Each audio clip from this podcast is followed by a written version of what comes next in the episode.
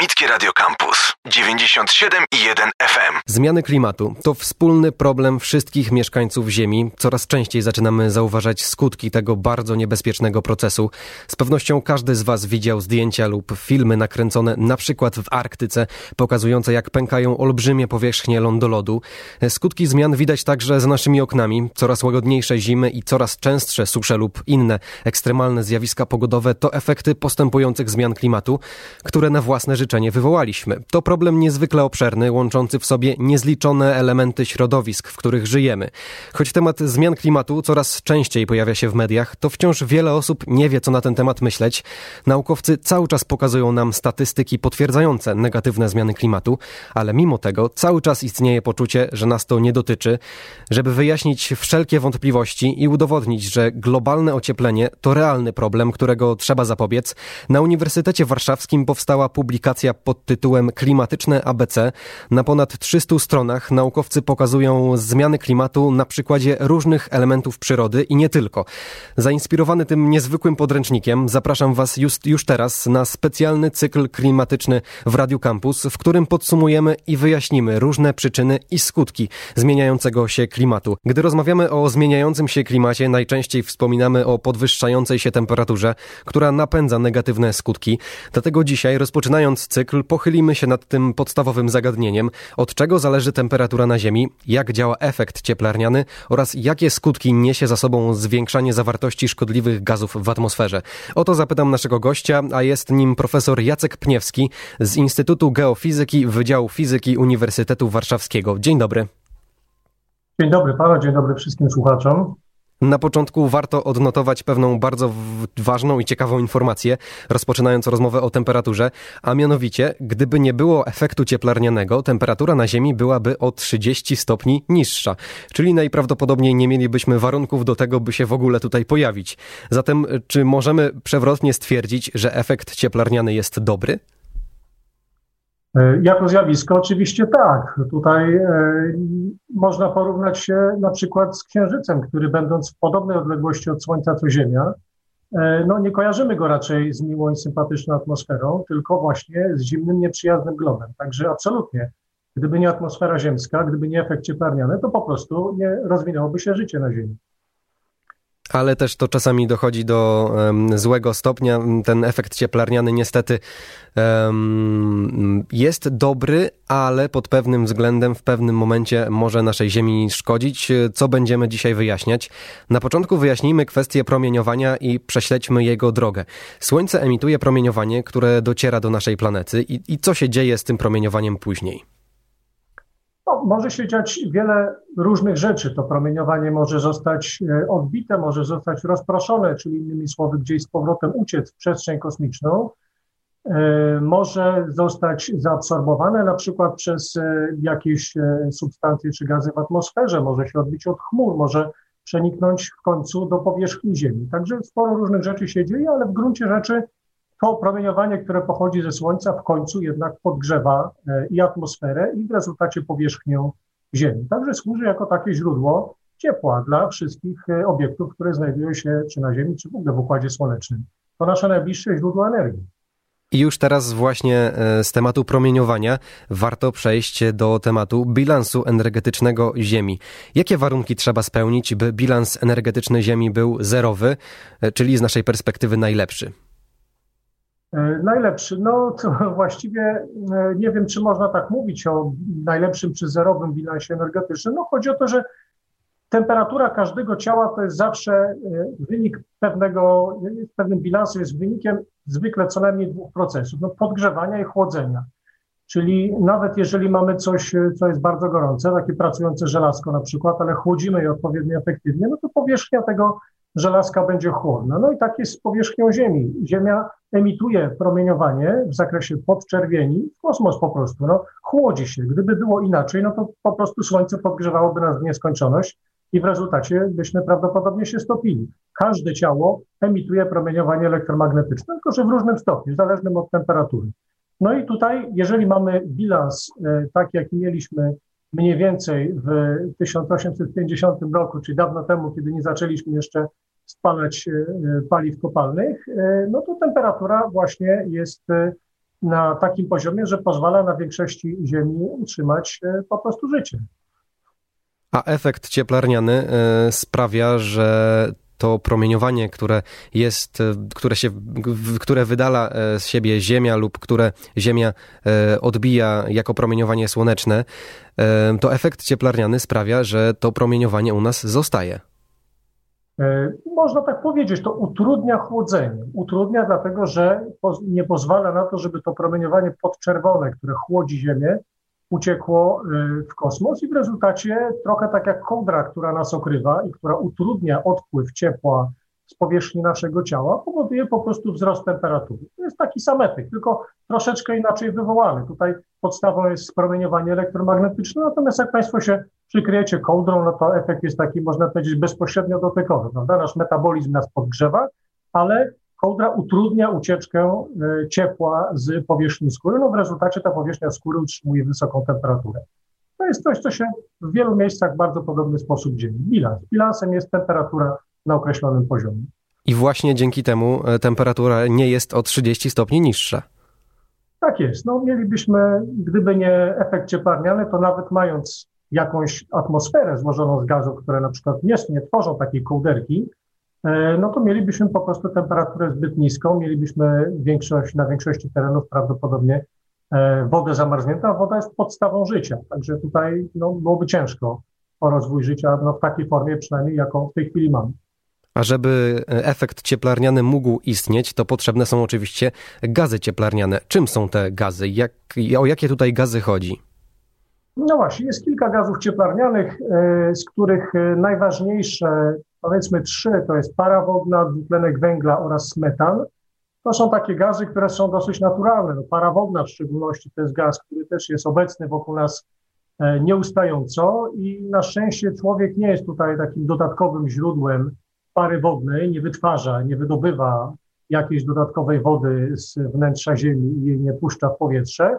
Natomiast e, dwa gazy, e, dwutlenek węgla oraz metan, to są gazy, które też w naturalny sposób istniały y, od milionów lat w atmosferze ziemskiej.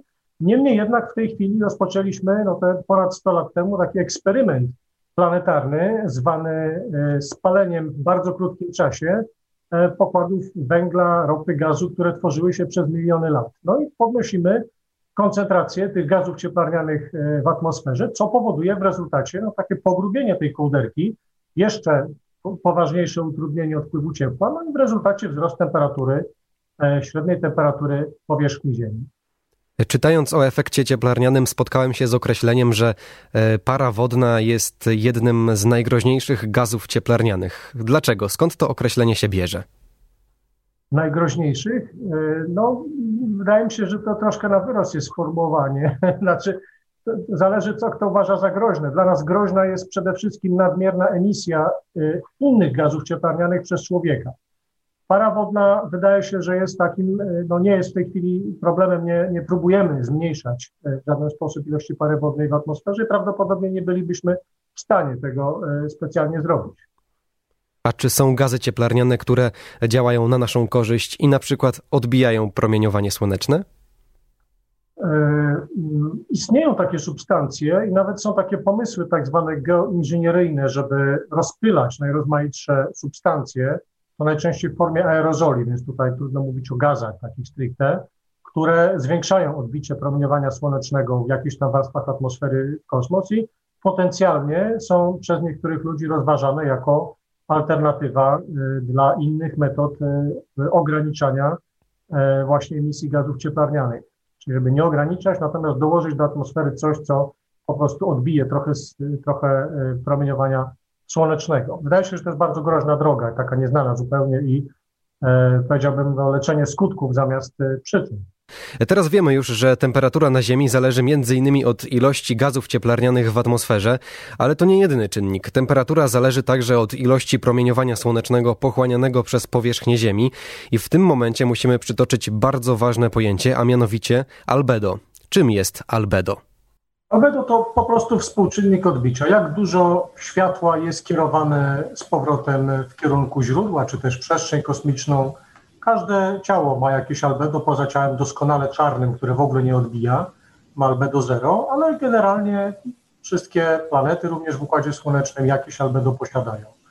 E, albedo trochę ułatwia nam, e, powiedzmy, pozwala na to, żeby tę temperaturę nieco zmniejszyć na przykład w ten sposób, że pobieramy mniej promieniowania ze źródła, ze Słońca. Także może być naszym sprzymierzeńcem. A jakie substancje mają największe albedo, czyli najbardziej odbijają promieniowanie słoneczne? Właściwie nie tyle substancji, co jest to cecha powierzchni. Y, po prostu jeżeli coś jest y, gładkie i y, to więcej odbija i jeżeli jest jasne, to też widzimy, że więcej światła odbija. No, potem poznajemy to odbicie. No na przykład lód czy, czy też śnieg bardzo dobrze odbijają światło, natomiast woda oceaniczna pochłania światło, w związku z tym jest ciemniejsza i to jest też taka zależność, że gdyby, jeżeli zmniejszylibyśmy powierzchnię lodu czy powierzchnię śniegu, to e, więcej po prostu absorbujemy, bo w to miejsce wchodzi na przykład e, woda, jeżeli prawda, ten lód z powierzchni wody zniknie i pochłaniamy więcej energii. Ja czytałem nawet, że e, woda ma o 10 razy mniejsze albedo niż lód, czyli 10 razy bardziej pochłania promieniowanie słoneczne. A co by się stało, gdyby albedo naszej planety wzrosło?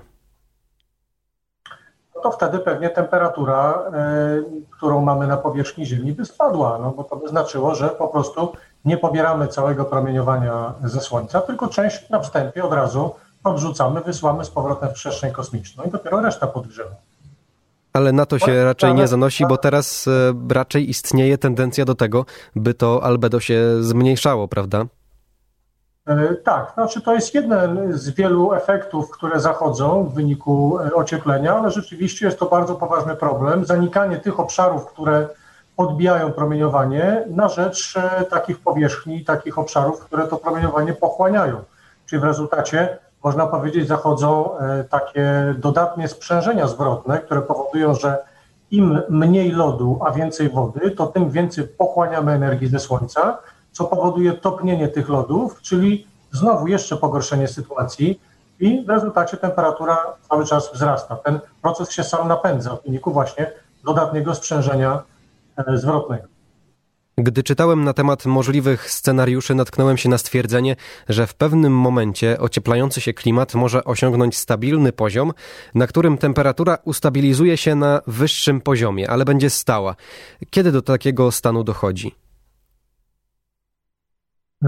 No, do takiego stanu, yy, znaczy taki stan Ziemi nie jest absolutnie stały, ale oczywiście e, można, znaczy ta temperatura nie jest absolutnie stała, ale oczywiście można powiedzieć, że w pewnym momencie, jak już spalimy wszystkie e, zasoby kopalne, jak już stopnieją wszystkie lody, jak już wydarzy się wiele takich rzeczy, które właśnie napędzają te dodatnie sprzężenia zwrotne, no to wtedy po prostu ten bilans energii zatrzyma się na znacznie wyższym poziomie. Znaczy ta średnia temperatura Ziemi będzie o kilka stopni wyższa niż e, obecnie średnia temperatura e, całej powierzchni. A też czytałem, że mm, ta stabilizacja może się wiązać na przykład z tym, że e, gdy Ziemia stanie się cieplejsza, to wtedy zacznie silniej promieniować i właśnie wtedy się ustabilizuje. Czy to prawidłowe stwierdzenie? No tak, znaczy to zawsze tak będzie, dlatego że, że to promieniowanie, ta ilość promieniowania jest zależna od temperatury. To jest jedna z podstawowych praw fizyki. I to ono wchodzi do tego bilansu, prawda, który powoduje, że ta temperatura, którą mamy nawet w tej chwili, to jest właśnie efekt z jednej strony podgrzewania przez Słońce, a z drugiej strony ochładzania przez promieniowanie wysyłane w kosmos e, z uwagi na posiadanie po prostu temperatury. A teraz chciałbym przytoczyć kolejne bardzo ważne pojęcie, o którym wspomniał Pan przed chwilą. To pojęcie łączące się ze zmianami temperatury na Ziemi to wymuszenia i sprzężenia. Dlaczego te zjawiska są e, bardzo ważne? O to zapytam za chwilę, ale najpierw wyjaśnijmy pojęcia. Czym są wymuszenia? Wymuszenia to można powiedzieć ogólnie to są jakieś zjawiska, które pochodzą z zewnątrz systemu klimatycznego, które wpływają na jego stan systemu klimatycznego, czyli takiego systemu, który integruje wiele różnych obszarów, które nas otaczają. I atmosferę, i hydrosferę, czyli wszystkie wody znajdujące się na Ziemi, i kryosferę, czyli wszystkie lodowce, lądolody, śnieg, lód na powierzchni oceanu, biosferę, czyli ta przestrzeń, którą zajmują organizmy żywe, i litosferę, czyli tak zwaną twardą ziemię, no można powiedzieć tą samą substancję, no glebę w pewnym sensie, e, bardziej formalnie obejmującą skorupę i górny płaszcz Ziemi. Także cały ten system klimatyczny jest dosyć skomplikowany i te zależności, które pomiędzy e, nim występują, po prostu powodują, że jedne rzeczy wpływają na drugie. I stąd właśnie dwa takie ważne pojęcia. Jedno to wymuszenia, czyli takie zjawiska, które z zewnątrz mogą coś popsuć w tym układzie, w tym skomplikowanym systemie. I takim zjawiskiem, takim wymuszeniem jest na przykład po prostu zmiana aktywności Słońca. Jest wielu denialistów, którzy twierdzą, że to Słońce po prostu mocniej grzeje i dlatego mamy wyższą temperaturę na Ziemi, ale nie, my wiemy, to badamy, mierzymy, ten, aktywność słoneczna spada i ta ilość promieniowania zmniejsza się, także to jest zupełnie przeciwny efekt, ale to jest przykład wymuszenia. Zmiana orbity Ziemi też to jest przykład wymuszenia, który nie jest spowodowany prawda, jakimiś zmianami na samej Ziemi.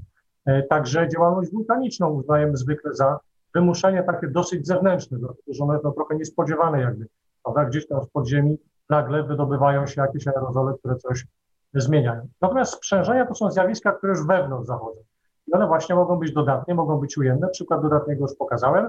E, mogą być też, one mogą, e, na przykład to, to samo zjawisko, na przykład zmiana temperatury może, w zależności od tego, czy jest w górę, czy w dół, czy się ociepla, czy ochładza, może mieć e, różny charakter. I przykładem zjawiska takiego ujemnego sprzężenia to byłby właśnie, że spadek temperatury powoduje, że osłabia nam się parowanie. No wiemy, że cieplej, tym lepiej parują różne, e, różne ciała, z powierzchni ciała paruje e, woda i w rezultacie spada koncentracja pary wodnej, no i osłabia się efekt cieplarniany. Także te zjawiska to są takie już pomiędzy prawda, częściami systemu klimatycznego.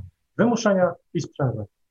Czyli w skrócie sprzężenia to zjawiska, które napędzają zmiany klimatu, e, zmiany, które, które są efektem oczywiście działalności człowieka. W jaki sposób chmury przyczyniają się do napędzania zmian klimatu?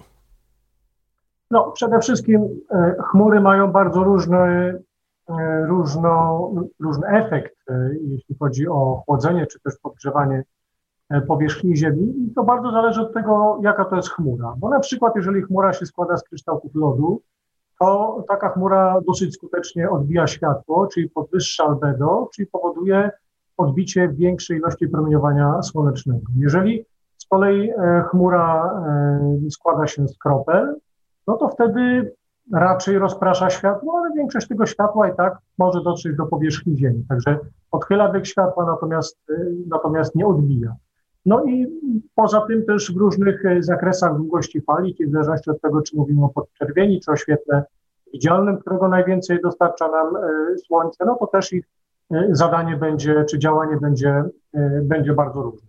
Zależy też od tego, na jakiej wysokości jest chmura, bo wierzchołki chmur generalnie promieniują już tylko w kosmos. Prawda? Tam są od strony kosmosu, nie w stronę powierzchni Ziemi. No i w rezultacie, jeżeli chmura jest wysoko i zwykle tam jest zimno, to wtedy mamy promieniowanie podczerwone trochę właściwsze dla niskich temperatur, czyli z reguły nie te niższe. Jak jest niższa chmura, to wtedy mamy też trochę inne działanie. Także tutaj wpływ chmur na klimat jest różnorodny i bardzo różne efekty tutaj wywołują. E, to jest cały czas sprawa badana. Wiemy o tym, że chmury, które teraz obserwujemy, to już nie są te same chmury, które były na przykład 10 tysięcy lat temu, tylko że to się jednak zmienia i że globalne ocieplenie jest pewnym czynnikiem w wszystkim. Także e, można powiedzieć natomiast, że wypadkowy wpływ chmur na bilans takiej energii jest raczej chłodzący, czyli dopóki mamy chmury, to jeszcze jakoś to sensownie działa i e, powodują, że no, nie podgrzewamy się tego. Więc gdy dzisiaj e, po południu wyjrzymy za okna i zobaczymy chmury, to powiedzmy im fajnie, że jesteście. Patrząc na e, różnego rodzaju mapy obrazujące występowanie e, zachmurzenia na naszej planecie, zauważyłem, że w okolicach biegunów jest najwięcej chmur. Czy to prawda, czy to mylne spostrzeżenie? Hmm, wydaje mi się, że to znaczy w jakimś momencie tak, e, tak może być oczywiście, ale tutaj układ i struktura chmur to jest bardzo skomplikowany, bardzo skomplikowany system, który na dodatek się zmienia, dlatego że w miarę właśnie jak e, zmienia się ta średnia temperatura powierzchni Ziemi, zmieniają się pewne schematy pogodowe, to znaczy chmury po prostu i wiatr i e, też i koncentracja różnych czynników się po prostu zmienia. Także wydaje się, że to w jakimś momencie oczywiście może być e, prawdą, ale nie, nie, musi to być e, nie musi to być stan. Natomiast oczywiście tam jest dosyć dużo wody, można powiedzieć, dlatego że para wodna, jeżeli przeniesie się w obszary, gdzie jest niższa temperatura, no to będzie starała się prawda, jakoś tam skondensować. Także, także tutaj o tej kondensacji przede wszystkim trzeba pamiętać. I teraz e, wracam do głównego tematu naszej rozmowy, czyli temperatury na Ziemi. E, przeglądając różnego rodzaju diagramy obrazujące na przykład wzrost temperatury na Ziemi, e, to najgorzej sytuacja wygląda też na biegunach, tak jak wcześniej w przypadku chmur. Tam wzrost temperatury jest zawsze najszybszy w porównaniu z resztą świata. Dlaczego tak się dzieje? Znaczy odpowiedź na to nie jest taka zupełnie banalna, dlatego na przykład, że prawda, tam zanika lód, ale y, faktem jest, że obserwujemy taki schemat właśnie ocieplenia, że w rejonach takich jak Polska nie mamy takiego dużego, widocznego wzrostu tej, temperatury, chociaż zdarza się, znaczy wiele osób obserwuje w ogóle zmiany, natomiast e, im dalej jesteśmy w kierunku biegunów, tym te zmiany są większe. E, tutaj jest bardzo wiele czynników, e, trudno wszystkich w krótkim czasie powiedzieć, ale wszystkie te rzeczy, o których pewnie słuchacze mogli gdzieś słyszeć, czyli e, właśnie to, że zanika nam lód, że e, mamy zupełnie inne te stosunki, właśnie albedo się zmienia, że mamy różne schematy pogodowe różny wiatr, różne temperatury, no powodują, że tam akurat e, to zjawisko występuje bardzo silnie. A teraz zajmijmy się prognozowaniem tego, co może wydarzyć się w przyszłości, bo porozmawiamy o punktach krytycznych. To takie momenty, w których zmiany klimatu staną się nieodwracalne. Nie będzie się dało tego odwrócić i już nie będzie ratunku w pewnych miejscach na Ziemi. Jak będzie wyglądał punkt krytyczny na przykład w Arktyce? Krytyczny w Arktyce będzie wyglądał z grubsza tak, że po prostu nie będziemy mieli już lodu arktycznego na morzu na przykład, albo że stopi nam się cały lądolud Grenlandii i odtworzenie tego zajmie po prostu bardzo długo czasu. Te punkty krytyczne trzeba rozumieć w ten właśnie sposób, że są to takie punkty po przekroczeniu, których no, nie to, że już nie wrócimy e, do tego momentu w przyszłości, tylko że zajmie to po prostu być może dziesiątki, być może setki tysięcy lat. I w tym sensie jest to dla nas niedostępne. Stopienie lądolodu Grenlandii czy lądolodu Antarktydy e, to jest rzecz, która no, na wiele pokoleń, kilkadziesiąt może pokoleń po prostu zmieni oblicze Ziemi. I dlatego to się nazywa punktem krytycznym, bo nie będzie się dało tego już potem odwrócić. Ale, tak, mhm. ale rozmawiając o punktach krytycznych, warto też wspomnieć o wieloletniej zmarzlinie. E, tak, to jest y, w ogóle rzecz, która nas y, bardzo niepokoi, wszystkich specjalistów y, zajmujących się nie tylko klimatem, ale w ogóle prawda, jakimiś naukami przyrodniczymi. E, no, rozmarzają obszary, które są wielkim rezerwuarem nie tyle lodu, co substancji organicznych i e, to powoduje dodatkowe emisje.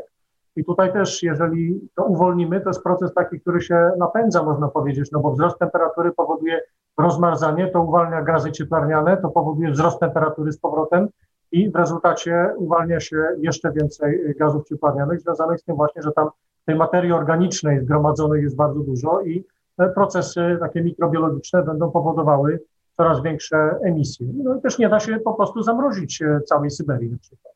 To jest niemożliwe. I też czytałem, że szczególnie zabójcza będzie emisja metanu, który jest e, bardzo groźny i jednocześnie właśnie może wytworzyć się poprzez rozmarz rozmarzanie wieloletniej zmarzliny. Czy osiąganie punktów krytycznych na określonych obszarach naszej planety będzie się łączyło z innymi miejscami, w których jeszcze taki punkt na przykład nie wystąpi? Czy wystąpią jakieś interakcje między obszarami, gdzie wystąpił już punkt krytyczny, a między obszarami, gdzie jeszcze tego punktu nie ma?